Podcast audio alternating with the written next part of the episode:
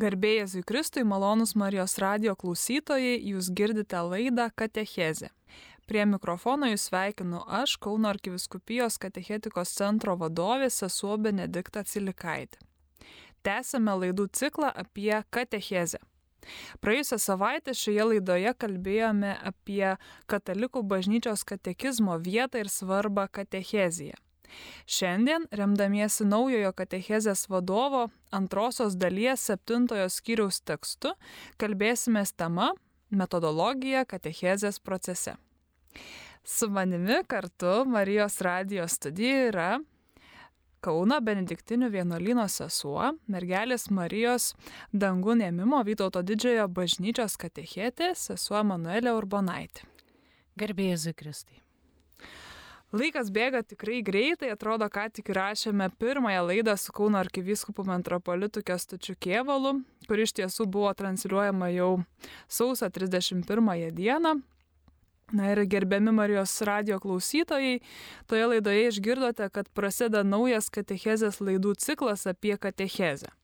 Ir kiekvieną antradienį aš, sesuo Benediktą, kalbinau skirtingus pašnekovus po truputėlį laipsniškai gilinomės į katecheto pašaukimo grožį ir uždavinius, katechetų ūkdymą, katechezės tikslus, katechezės turinį, jos pagrindą.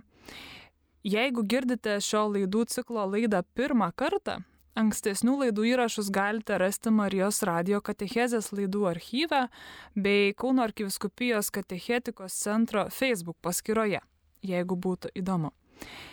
Šiandien su manimi yra sesuo Manuelė, kuri mums tariantis dėl laidos įrašymo laiko jau susakė, aš esu praktikė. Ir aš tikrai labai džiaugiuosi, kad mes galėsim šiandien kalbėtis apie praktinius katechezės aspektus, paprastai sakant, kaip čia ką daryti, kad mes galėtume augdyti tikėjimą ir atlikti tą savo misiją kaip galima geriau. Na ir naujojo katechezės vadovo tekstas, kuriuo mes remiamės laidoje, kalba apie tai, kad tikėjimo perteikimas katechezija, nors vyksta tarpininkaujant žmogui, katechetui, vis dėlto yra malonės įvykis, į kurį veda Dievo žodžio susitikimas su žmogiškąją patirtimi, taip kalba dokumentas. Mielas sesė, Gal galėtumėt pasidalinti savo patirtimi, kur jūs šiuo metu tarnaujate ir kaip sekasi tarpininkauti Dievo malonės veikimo įvykiuose? Iš tikrųjų, aš dabar dirbu su vaikais dviejose bažnyčiose. Tai Švento Mikalaus bažnyčioje, kuri priklauso mūsų benediktinių vienuolynui. Turiu vaikų grupelę tenai. Ir taip pat Vytauto didžiojo bažnyčioje lygiai taip pat turiu grupelę vaikų ir turiu sužadėtinius, kurie ruošiasi sutvirtinimo sakramentui, taigi dirbu su jais. Ir iš tikrųjų nekartą įsitikinau, kad be Dievo malonės padėti žmonėm atrasti tikėjimą yra neįmanoma. Nes šių laikų sekularizuota visuomenė nebejaučia Dievo poreikio ir kartais užmigdo Dievo troškimą, malonumais, kitais dalykais, kurie tarsi pakaitalas jų tam vidiniam giliam troškimui ir kartais kalba apie Dievą nebūna labai lengva. Ir iš tikrųjų tuomet prireikia tos Dievo malonės. Visada į katechezę einu pirmiausia su malda, prašydama, kad Dievas padėtų man kalbėtis apie jį, ir kad ne man tai būtų malonė, bet iš tikrųjų tiem žmonėms, kad, kad jie susitiktų gyvą į Dievą, tiek vaikams, tiek tiems sužadėtiniams, kad jie atrastų jį ir kad tas atradimo džiaugsmas lydėtų juos visą gyvenimą. Taigi be Dievo malonės neįmanoma nieko. Ačiū, mielas esu, už patvirtinimą, kad Dievas yra turbūt mūsų kiekvienos katechezės šeimininkas, neturbūt o tikrai. Ir leiskime į dokumento skaitimą kartu toliau. Tokią vieną citatą norisi paskaityti, kuomet dokumentas cituoja kitą dokumentą, katechesi tradendi, ištrauką, sakydamas, kad dėl krikščionių amžiaus ir jų intelektualinio išprusimo, jų bažnytinės ir dvasinės brandos laipsnio bei daugelio kitų asmeninių aplinkybių, katechezė norėdama pasiekti savo specifinį tikslą, tai yra ugdyti tikėjimą, turi išmokti naudotis įvairiais metodais. Sesė Manuelė, jūs išvardijot, kad tikrai tarnaujat labai skirtingoms e, žmonių grupėms, jos skiriasi ir amžiumi, ir patirtimi. Gal galėtumėt pasidalinti, iš kur jūs semėtės įkvėpimo, iš kur pas jūs atsiranda metodai. Galbūt yra kažkokia slapta ar, ar neslapta metodų bazė, ar juos kuriate pati. Gal galėtumėt pasidalinti su mūsų klausytojais. Iš tikrųjų, įkvėpimo aš pirmiausiai semiuosi iš Evangelijos nes čia Jėzus mus įgalioja eiti skelbti Dievo žodį. Tie metodai pagrinde yra tai Kauno arkiviskupijos programa katechezijai vaikams ruošti pirmai komunijai, bet pačius tokius praktinius metodus, aišku, aš atrandu savaime dirbant su vaikais, Aš nekaupiu juos į kažkokią bazę, bet vieni metodai tinka vienai grupiai vaikų, kitai, kiti metodai tinka kitai grupiai vaikų. Kadangi grupės būna labai nevienodos kiekvienais metais, ateina su skirtingais poreikiais vaikai, nors atrodo vaikai tai yra vaikai ir, ir turėtų būti tie patys žaidimai, bet pastebėjau, kad kokie žaidimai netgi tinka vienai grupiai, visiškai netinka kitai grupiai. Ir Šiemet, pavyzdžiui, turiu vaikų grupelę, kurie yra labai žingeidus ir, ir jie labai nori gilių žinių. Jie netgi užduoda tokius ypatingus klausimus, netgi apreiškimo Jonui knygą. Apie Jėzaus ateimą ir tokius gan gilius dalykus, kur man reikia tikrai pasiruošti, paskaityti ir komentarus, ir prisiminti studijų medžiagą, iš tikrųjų nėra taip paprasta. Galbūt kita grupelė labiau nori žaisti ir per žaidimus kažką atrasti, bet turbūt pagrindinis mano metodas, ką aš naudoju, tai yra malda. Įvairios maldos formos, kad, e, nes tikslas visgi yra neteiti pažaisti, bet pagrindinis tikslas yra, kad vaikai susitiktų Dievą. Ir kad tas susitikimas būtų tiek per jų protą, tiek per jų emocijas ir labai stengiuosi vesti juos į maldą, ypatingai vidinę maldą ir tikrai labai buvau nustebusi, kad nečių laikų vaikams tas nėra labai sudėtinga panirti į maldą, kalbėti su Dievu. Jeigu jie iš tikrųjų prieš tai susipažįsta su juo, priima jį kaip savo draugą ir tada tikrai netampa sudėtinga. Lygiai taip pat ruošiantis pirmąjį komunijai labai svarbu tas santykis su Eucharistiniu Jėzumi, tai labai dažnai naudoju ir multimediją, pasakodama apie eucharistinius stebuklus, paruoždama jų širdis Dievo žodžiui, kalbėdama, kas yra Dievo žodis, kartais žaidimų forma, kartais darome lekcijų divyną su vaikais, kas irgi yra labai toks naujas metodas. Pirmą kartą, kai aš jį išbandžiau, tai tikrai labai bijojau, Nemaniau, kad iš tikrųjų su jais pasiseks, bet buvau labai nustebinta, kaip vaikai išmasto ir perleidžia per save tą Dievo žodį, aišku, vaikiškai, vaikiškų būdų, bet jie tikrai turi labai gražių išvalgų ir, ir mane pačią labai paliečia tokie dalykai. Tai, o pati kulminacija, svarbiausias dalykas, tai yra, manau, vaikų adoracija, kada, kada juos atvedi prie Eucharistinio Jėzaus ir Bet jau čia tas būna ne pačioj pradžioj katechezių susitikimų, bet, bet tas jau būna į pabaigą, jau prieš pat pirmąją komuniją, kad jie iš tikrųjų kartais yra grupių, kur galima ir du kartus per, per metus. Tai čia labai priklauso nuo grupės, nuo pasiruošimo, nuo, nuo to, kiek jau jie pagrindų turėjo prieš tai ateidami.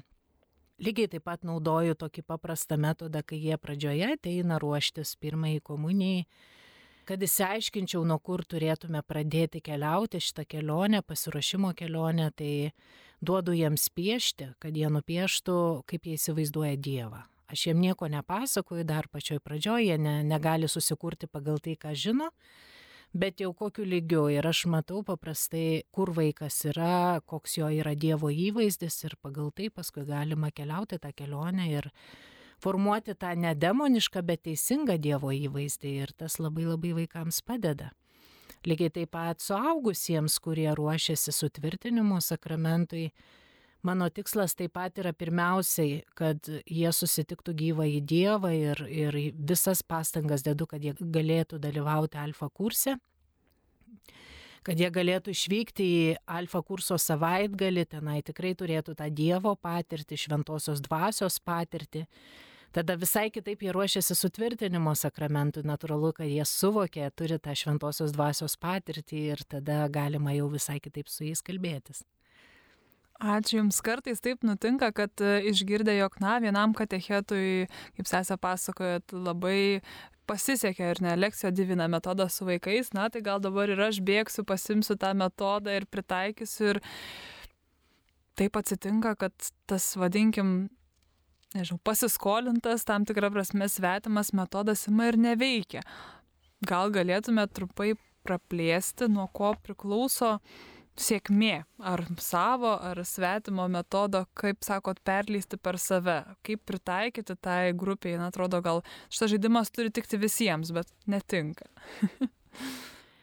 Pirmas dalykas yra pamatiniai dalykai, kurie koks mūsų ūkdymo tikslas, ar ne, išsikelti tą ūkdymo tikslą, tai yra pamatinis dalykas. Antras dalykas visada atsižvelgti į grupę, į poreikius vaikų, į kur jie jau yra nuėję, kiek jie žino, tai e, aišku, kad ir aš ne kiekvienoje grupėje naudoju tą metodą. Ir netgi tą patį lekcijų divyną metodą aš turiu gal 3-4 būdus, kaip jį padaryti. Tai labai priklauso nuo grupės. Pirmiausiai žvelgti į vaikus, matyti, kur yra jie toje kelionėje su Dievu ir nuo tos vietos kartu keliauti su jais, ne e, susižavint kažkokiu metodu ir taikyti jį aklai, bet atsižvelgti į vaiką, į jo poreikius, e, tas yra, manau, esminis dalykas. Ir, ir pavyzdžiui, kai mes žaidžiam žaidimus, mano tikslas žaidimų yra juos suvienyti, padaryti grupėje tą vienybę, draugystę, kad jie iš tikrųjų stengtųsi padėti vienas kitam nesityčiotų, bet kaip tik padėtų toje kelionėje, kartu jie išgyventų tą ypatingą draugystę ir toje draugystėje netgi jie susitiktų gyvą į Dievą. Tai vienas iš tokių mano būdų ir žaidimai yra viena iš tų pagalbų iš tikrųjų. Tai labai svarbu atsižvelgti į žmonės, į jų poreikius ir kur jie yra. Tai aš manau, tie metodai jų yra begalės, pasirinkimo yra daug nebijoti eksperimentuoti, vieną kartą paimti vieną metodą, kitą kartą paimti kitą metodą, tiesiog nesustoti, kad jeigu nepavyko, reiškia, aš daugiau to niekada nebedarysiu. Ne. Galbūt su šita grupė nepavyko, bet su kita grupė gal pavyks nuostabiai. Tai čia svarbiausia - nesustoti. Paminėjot ir apie jaunuolių pasirengimą sutvirtinimo sakramentui, na jiems turbūt jeigu vaikams dar kažkiek dalykų galėtume sakyti, na, savai mes suprantame, ar ne, joms pasakai, kad Dievas yra ir, ir gerai, ar ne, aišku, tikrai ne visiems, bet truputėlį paprasčiau, galbūt taip drįščiau sakyti, gal ir klystų, pataisysit mane. Bet, na, pačiai irgi yra tekę nekartą susidurti ir ruošti jaunuolius, ar ne, ir jie drįsta klausti, na, ką man prireiks, tarkim, kažkokių tai žinių apie švenčiausią trejybę arba mm, galbūt ir su, su, apie sužadėtinius kokį žodelį mums tarsit, ar ne, kad mes galbūt labai norėtume, kad tie, kurie ruošiasi santokai, imtų ir pradėtų kasdieną melstis ar skaityti Bibliją, bet jie irgi gali, jeigu bus drąsesni, paklausti, na, o kaip tai susijęs su mano santokos gyvenimu, ar ne, tarsi tokie, tarsi tikėjimas ne visai susišaukia su kasdienybė. Koks turėtų būti ir galėtų būti mūsų kaip katechetų atsakas, palidėjimas, paaiškinimas tokiais momentais, kai žmonės klausia, ne kaip tikėjimas sus, susiduria ne, su gyvenimu, kaip mes galėtume į tą vienovę atvesti juos. Pirmas dalykas tai yra liudijimas žmonės viena, ką jie girdi, bet kita yra paties liudijimas. Tai pirmiausia, mano pačios tikslas yra iš tikrųjų stengtis kiek įmanoma gyventi autentišką gyvenimą. Ir žmonės labai jaučia, netgi vaikai, jeigu tu, sakykime, sakai vieną, bet galbūt nesi pats tuo įsitikinęs ar nesi garantuotas, kad taip yra, jie pradės abejoti ir jie to nepriims. Labai svarbu, kad visa tai, ką aš sakau ir liudiju, kad pirmiausia aš tuo tikėčiau ir tuo gyvenčiau.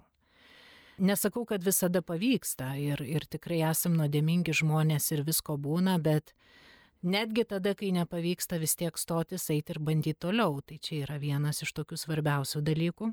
Kitas dalykas, kitų pavyzdžiai, sakykime, šventųjų gyvenimo pavyzdžiai, e, jie taip pat yra uždegantis ir Ir būtent ką daro maldos gyvenimas, kaip žmogų keičia, kaip keičia jo gyvenimą ir padaro jį prasmingu iš tikrųjų ir prasmingu ne tik tai šiame gyvenime, bet palydė ir jam žinai gyvenimą su tuo, kad aš turiu tikslą ir kad, na, manęs, man net mirtis nėra mirtis, galutinis taškas, bet tai yra tik kablelis mano gyvenime. Tai, Tai iš tikrųjų visai kitaip keičia žmogaus gyvenimą ir mažiau tų depresijų, mažiau tos tokios melancholijos, kaip sakė Teresė Vilietė, tas tikėjimas uždega, suteikia tą džiaugsmą, kad ir kas bebūtų, kad ir kas beatsitiktų, tai yra sustikimas su Kristumi, netgi kančios akivaizdo ir kai žmonės tą atranda, kai jie pamato gyvenimo liudijimus, šventųjų gyvenimo liudijimus, jie iš tikrųjų susimasto. Ir šventoji dvasia tikrai ne vieną kartą mačiau, kaip keičia žmonių gyvenimus per alfa kurso savaitgalį, kai netgi tų pačių vaikų teveliai iš tikrųjų, kurie atrodo ateina ir pyksta ant bažnyčios, kad čia ir jiems dar reikia lankyti, kad čia negana to, kad vaikus nebeparuošia per dvi savaitės kaip seniau, bet reikia lankyti beveik metus, tai čia dar ir tevams reikia lankyti ir to pykčio būna labai daug bet kaip keičiasi jų gyvenimai, kai jie iš tikrųjų priima tą Jėzų į savo gyvenimus, į savo širdis, jie prieina iš pažinties po daugybę metų ir natūralu, kad ir to vaiko kelionė tikėjime bus visai kitokia, nes jis gaus iš, iš tėvų pagalbą.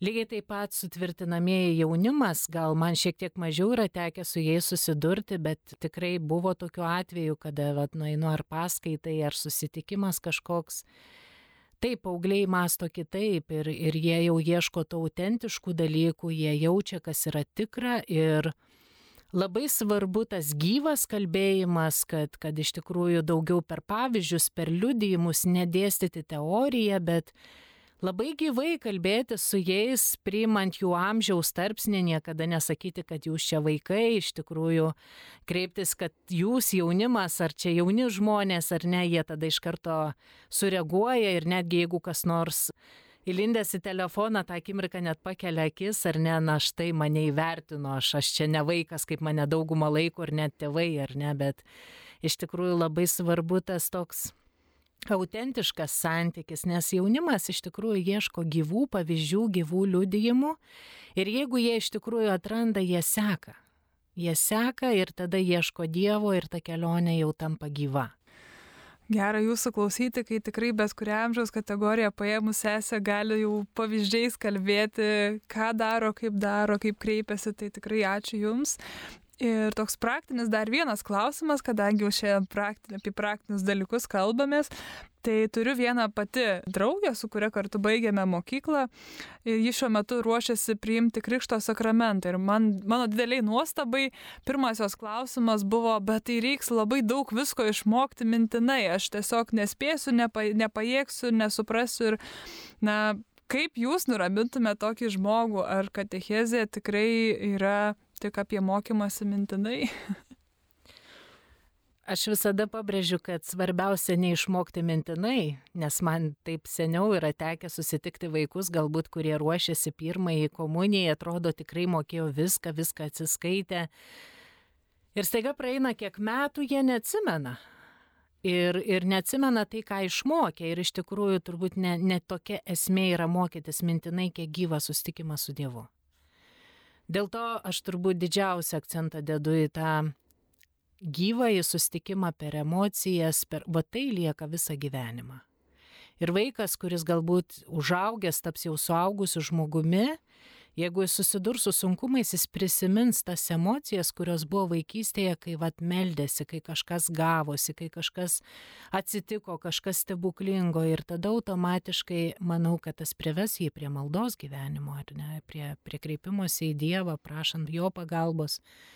Taigi aš pabrėžiu ne tai, kad jis privalo išmokti mintinai, bet pirmiausia tai yra kelionė. Tai yra kelionė pažinti Dievą. Pažinti Dievą, kuris yra kitoks, bet kartu toks pat kaip mes. Ir kad mes iš tikrųjų, kaip mes galim bendrauti, kad tai yra džiaugsmas, iš tikrųjų atradimo džiaugsmas, kad, na, čia kaip ir sporte, ar ne, norint iš tikrųjų kažką pasiekti, reikia daug treniruotis. Arba jeigu mes norim pažinti žmogų, pirmiausia, reikia su juo bendrauti. Tai va, tai pagrindiniai mano akcentai turbūt ruošiant ir pirmajai komunijai, kad yra ne tiek akcentavimas išmokimo, kiek gilesnio suvokimo ir to autentiško susitikimo su Dievu, maldos patirties. Manau, kad čia yra akcentas ir čia yra svarbiausias dalykas. Dokumentas taip pat išvardyja tokius penkis katechetinio proceso elementus, kurie, man atrodo, tiesiog pas jūs savaime yra atsitikę jūsų palydėjime vaikų ir suaugusių ir jaunimo. Tai yra santykis, dialogas, refleksija, tyla bei palydėjimas. Tai galbūt dar kurį nors vieną paryškinti norėtumėt. Kaip svarbiausia, ar kaip, nežinau, tą, kurį labiausiai mėgstat, ar, ar matot prasme m, parodyti žmogui, kuris galbūt naujai ateina į tikėjimo kelionę į bažnyčią. Aš manau, kad svarbiausias dalykas tai yra eiti kartu. Eiti kartu, galbūt kaip išskiriant, ar tai palidėjimas, bet ėjimas kartu su vaikais toje kelionėje ir nebūtinai, kad tu turi būti labai svarbiu mokytoju, tu turi būti labiau liudytoju. Čia yra svarbiausia ir iš tikrųjų būna paskui tokiu atveju, kai tie vaikai ar jauni žmonės ateina ir paskui prašo vėl patarimo, ieško, žino, kur rasti, susitinka. Galime toliau kalbėtis apie tai, kas vyksta, kas yra svarbiausia, tai iš tikrųjų tas santykis, dialogas, na, yra neatsiejama dalis tiek to palydėjimo ar ne, tiek manau, kad tai susiję viskas kartu. Ir, ir kaip sakiau, ir grupės, aišku, labai skiriasi žmonės, yra labai skirtingi, bet Bet dialogas taip pat, kalbėjimasis, išklausimas dar net pridėčiau, nes labai svarbu jų klausytis tiek vaikų, tiek jaunimo ir tiek suaugusių žmonių įsiklausyti į juos, į jų giliausius troškimus ir nuo ten pradėti kelionę. Taigi klausimasis dialoge yra vienas iš svarbiausių aspektų. Be jo mes negalime išjudėti. Lygiai taip pat palydėjime palydint žmonės be klausimuose nieko nebus. Ir klausantis tų žmonių, aš taip pat girdžiu ir Dievą juose. Ir matau, kur Dievas juos nori vesti, jie kartais patys tai įvardina, patys nesuvokdami kartais. Tai iš tikrųjų ir paskui tik tai svarbiausia jiems priminti, kad, nu va, žiūrėk, bet tu pats sakė, ar pati sakė, ar ne, kas tau yra svarbu ir, o jo tikrai. Hm. Ir tas labai padeda vat keliauti ir ne, ne, ne kažką ateiti kaip mokytojas, bet ateiti kaip draugas. Kaip tas, kuris turi kažkokią patirtį ir tą patirtimi nori pasidalinti, ne juos mokyti, bet pasidalinti. Tai čia yra svarbiausia. Tęsant mūsų pokalbį, norisi pacituoti vieną ilgoką sakinį iš dokumento, kuris man atrodo labai toksai brangus, gražus, kuris gali daug ko mus pamokyti. Mes tikime ne formulės, bet tikrovę, kurią jos išreiškia ir kurią paliesti mums leidžia tikėjimas. Taigi katechezė išreiškiama kalba, kur yra bažnyčios tikėjimo išraiška. Ir per savo istoriją bažnyčia reiškė tikėjimą šventuoju raštu, biblinė kalba, liturginiais simboliais bei apieigomis bažnyčios tėvų raštais, tikėjimo išpažinimais, magisteriumo teiginiais, taip pat, kaip ir sesė minėjo, šventųjų ir kankinių liudijimais. E, tai yra pagrindinės bažnytinio tikėjimo kalbos išraiškos, kurios leidžia tikintiesiems turėti tam tikrą bendrą kalbą. Mes kaip esame bažnytiniai galbūt sakytume erdvėj tarsi lyg ir susišnekam, ar ne? Ir katechezė jas tikrai vertina, aiškina jų reikšmę ir svarbą tikinčiųjų gyvenime. Bet kartais taip nutinka, kad susitinki žmogų, kuris kažko ieško, galbūt turi poreikį priimti sakramentus arba turi kažkokį klausimą. Na ir atėjęs į katechezės užsiemimą, kažkokį tikėjimo kursą, girdi tą tarsi visiems didžiai daliai grupės narių suprantama tikėjimo kalba, bet, na, pripažinkim, ji nėra tokia kasdienė mūsų kalba, su kuria vartojam darbo aplinkoje, išskyrus mažą saujelę bažnyčioje dirbančių žmonių, ar ne?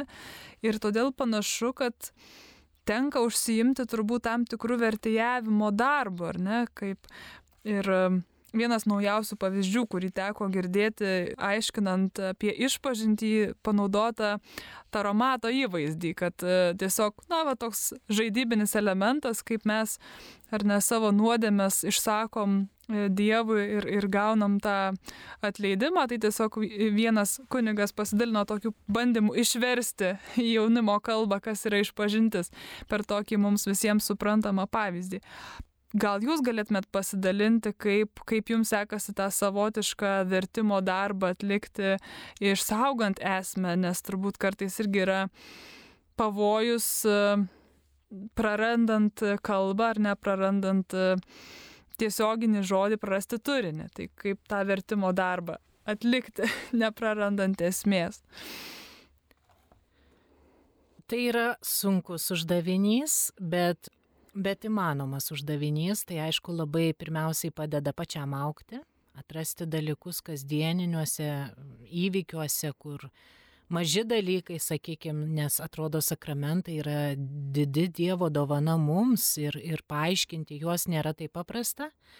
Bet jeigu mes kasdienybėje susitinkam su tuo, gyvenam tuo kažkaip per tuos gyvenimo įvykius, tada tampa paprasčiau papasakoti. Ir aš naudoju dar tokį vieną metodą kaip istorijos, kad ypatingai vaikai labai mėgsta istorijas. Ir per tas istorijas pavyksta paaiškinti esmę. Esmę, kas yra sakramentai, kas yra bažnyčia, kas yra va tokie dalykai arba per gyvenimo liudijimus, sakykime, šventųjų žmonių. Ir, ir labai svarbu, pavyzdžiui, vaikams kalbėti vaikų kalba, kad ir apie tą pačią trejybę iš tikrųjų, kad ir tai yra slėpinys, mes iki galo patys negalim tą suvokti, bet kaip vaikui paaiškinti, ar ne? Ir jeigu tu pradedi kalbėti apie šeimą, ką reiškia šeimoje būti viena, ar ne, ir ką reiškia tas santykis, tai pradeda jie kažką iš tolo apčiuopti tas nėra paprasta, taip reikia truputėlį nusileisti iki jų, tapti tam tikrą prasme vaiku, kad pradėtum suvokti, na, taip tai yra iššūkis, bet manau, tas iššūkis labai padeda aukti. Ir tas vertėjavimas iš tikrųjų yra labai svarbus, nes ir dar kartą sakau, jeigu kartais ateinam kaip mokytojai tik mokyti, natūralu, kad iš tikrųjų tada labai daug uždavinių tenka mums patiems, nes kaip mokytojam tada reikia labai geros kokybės, labai aukšto lygio ir gebėjimo perteikti paprastai žinias, kurios, na, ne visada yra iki galo suvokiamos. Tai aš labiau renkuosi būti tokiu draugų lyderiu, kuris kartu juos palydi per draugystę, per liudijimą, per paprastumą, bet kartu ir kad jie patys atrastų, nes aš naudoju dar tokį dalyką kaip projektų darimą.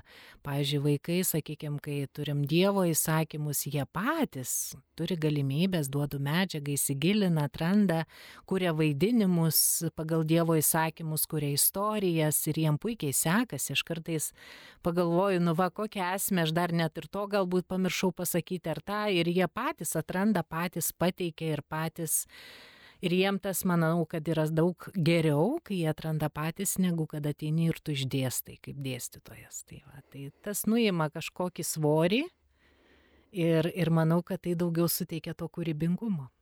Dažnai girdim, kad dabar toks ir iššūkis, ir dovana turbūt šito laikmečio, kad esam tokios tokia visuomenė tiesiog pripratusi prie vaizdinės informacijos. Mums tekstą, jeigu ilgesnį apdoroti, jau nėra taip paprasta net ir vyresniems, ne, ką jau kalbėti apie vaikus, ar ne. Kaip jūs, katechezijai, susidurėt su šitu iššūkiu? Ar tai pagalba, ar trukdys katechezija? Minėjot, kad irgi naudojat įvairią medžiagą. Kiek galėtų, turėtų, gal galim pasvarstyti to vaizdo būti katechezija atliepiant ir į poreikį, bet kartu ir išsaugant esmę. Deja, tikrai taip sutinku, kad tai yra svarbu ir, ir tikrai naudoju aš tai. Yra labai gerų, kokybiškų, sakykime, tiek video medžiagos, tiek, tiek na, vat, krikščioniški filmai labai dažnai naudoju šitą tinklapį ir ten tikrai yra labai daug e, vaizdinės medžiagos ir filmų, kurie yra tiesiog gyvenimo liudijimai ir, ir aš juos tikrai matau, kad juos priima, patinka ir, ir labiau padaro tą kalbą suprantamą. Lygiai taip pat, pavyzdžiui, jie galėtų kad ir kaip minėjau apie tus Dievo įsakymus ar ne, jie galėtų tiesiog tik tai perskaityti tai, ką sukūrė, bet jie kai suvaidina, tai yra natūralu kitiem, kitai grupeliai galbūt tai vaizdinė medžiaga, nes jie vaidina, automatiškai vėl yra kitaip ir, ir jie mato tą vaizdą, visgi per tą vaizdą, na, svarbu perteikti tą medžiagą. Šių laikų jaunimui, šių laikų vaikams tai neatsiejama dalis. Daug kalbėjom apie įvairius būdus, kaip prieiti prie tinkamo metodo skirtingai auditorijai. Pabaigai norisi dar klausti trumpai, na gerai. Katechezė vyksta apie metus turbūt tiek vaikų, tiek jaunimo, tiek suaugusiųjų, plus minus mokslo metus. Ir baigėsi, ne? Bažnyčios patirtis gali rastis per tą laiką, kai bendruomenės gali galbūt ir likti tik tai sausa teorija, nuo daug ko priklauso, ar ne? Kaip mm, mes kaip katechetai, kaip galėtume įvesti tuos žmonės, kad jie pasijustų, kad jie ne tik baigė kažkokį baigtinį kursą ar ne, ir, ir tuo jų katechezė ir tikėjimo patirtis baigėsi, bet kad tai galbūt yra tik tai na, pradžia, įžanga į, į, į, į tikrąją katechezę, į visuminę katechezę, kuri trunka visą gyvenimą, kas tai galėtų būti kaip pagalba ateiti į bendruomenę ir joje likti. Manau, kad katechezės tikslas yra sukelti Dievo troškimą. Kad žmogus tą pajaustų ir tas troškimas toliau ves žmogų pirmin. Su suaugusiais tas yra paprasta, automatiškai, kad jie pajunta, suvokia, kai jie turi tą Dievo patirtį, jie supranta, kad savo kasdienybėje, savo rūpeščiuose jam bus sunku keliauti ir tai natūraliai pasimirš. Juo labiau, jeigu jie, sakykime, lanko alfa kursą, teveliai kartu, jie susidraugauja vienas su kitu ir jiem tarsi norisi tą draugystę palaikyti toliau tai automatiškai pradeda kurtis tos bendruomenės ir, ir tokiu būdu tėvai įsitraukia. Jeigu tėvai įsitraukia natūraliai, kad jeigu būna kažkokie jų susitikimai, jų išvykos, jie ir vaikus pasiima. Tada ir vėl turi galimybę susitikti vaikai. Su jaunimu yra truputėlį sudėtingiau, nes jaunimas migruoja, jaunimas baigia mokyklą, automatiškai prasideda studijos ir labai dabar populiaru yra studijas rinktis užsienyje, natūralu, kai jie išvyksta ir, ir tada jau kažkaip su ta bendruomenė to ryšio yra mažiau. Dėl to su jaunimu truputėlį yra kita dinamika, bet su suaugusiais ir vaikais tai yra maž, truputėlį paprasčiau, aišku, yra galimybių vėl begalės Jeigu tik yra leidžia resursai, tai galima daryti stovyklas paskui po, po sustikimų, sakykime, po pirmosios komunijos. Galima daryti sustikimus vaikų, vėl juos sukviečiant, ar ne, pavyzdžiui, kad ir tą rožinio draugijos įrašymą, galbūt padarant jiems šventę, kad jiem vėl būtų galimybė pabūti kartu, pabendrauti, pažaisti. Na, čia priklauso nuo to, kiek mes turim tų galimybių iš tikrųjų toliau užsiimti, su jais padėti, nes jeigu mes kažką kuriam, tai aš manau, kad visada atsiras tų, kurie atsiliepia, ateina ir, ir na, tada tęsti su jais tą kelionę. Tai va, dėl to reikia labai daug tokių žmonių, kurie padeda katechetam, kurie paskui galbūt padeda tęsti tą kelionę, nes vienam turbūt yra netai paprasta. Apibendrinant mūsų pokalbį, mielas esė Manuelė, galbūt norėtumėt kažką palinkėti mūsų klausytojams ar konkrečiai katechetams, mokytojams jų kelionėje. Norėčiau palinkėti niekada nesustoti. Būti kūrybingiams, visada kažką naujo atrasti ir jeigu kažkas nepavyko, niekada nepasiduoti. Ir visada žvelgti į Kristų, kuris, na, veda, rodo tą kelią, įsiklausyti ir keliauti. Dėkojame Jums, mėly Marijos radio klausytojai, kad klausėtės mūsų. Dėkoju laidos viešniai, Kauno Benediktinių vienuolyno seseriai mergelės Marijos dangun ėmimo Vytauto didžiojo bažnyčios katechetėjai Emanueliai Urbonaitėjai. Prie mikrofono buvau aš, sesuo Benedikta Cilikaitė. Iki kitų susitikimų. Paprašysim sesę užbaigti laidą trumpą maldą. Dėkojame tau viešpatie už galimybę skelbti tavo žinę. Dėkojame tau viešpatie už tai, kad tu mus vedi, kad tu esi mūsų pagalba ir mūsų šviesa. Neleisk mums niekada pasiduoti ir visada eiti įsikibusi tavo ranką, kad kitą ranką galėtume paduoti tiems, su kuriais mes susitinkame ir dirbame. Leisk mums visada tęsti tavo darbą ir niekada nepasiduoti. To prašom per Kristų mūsų viešpatį. Amen.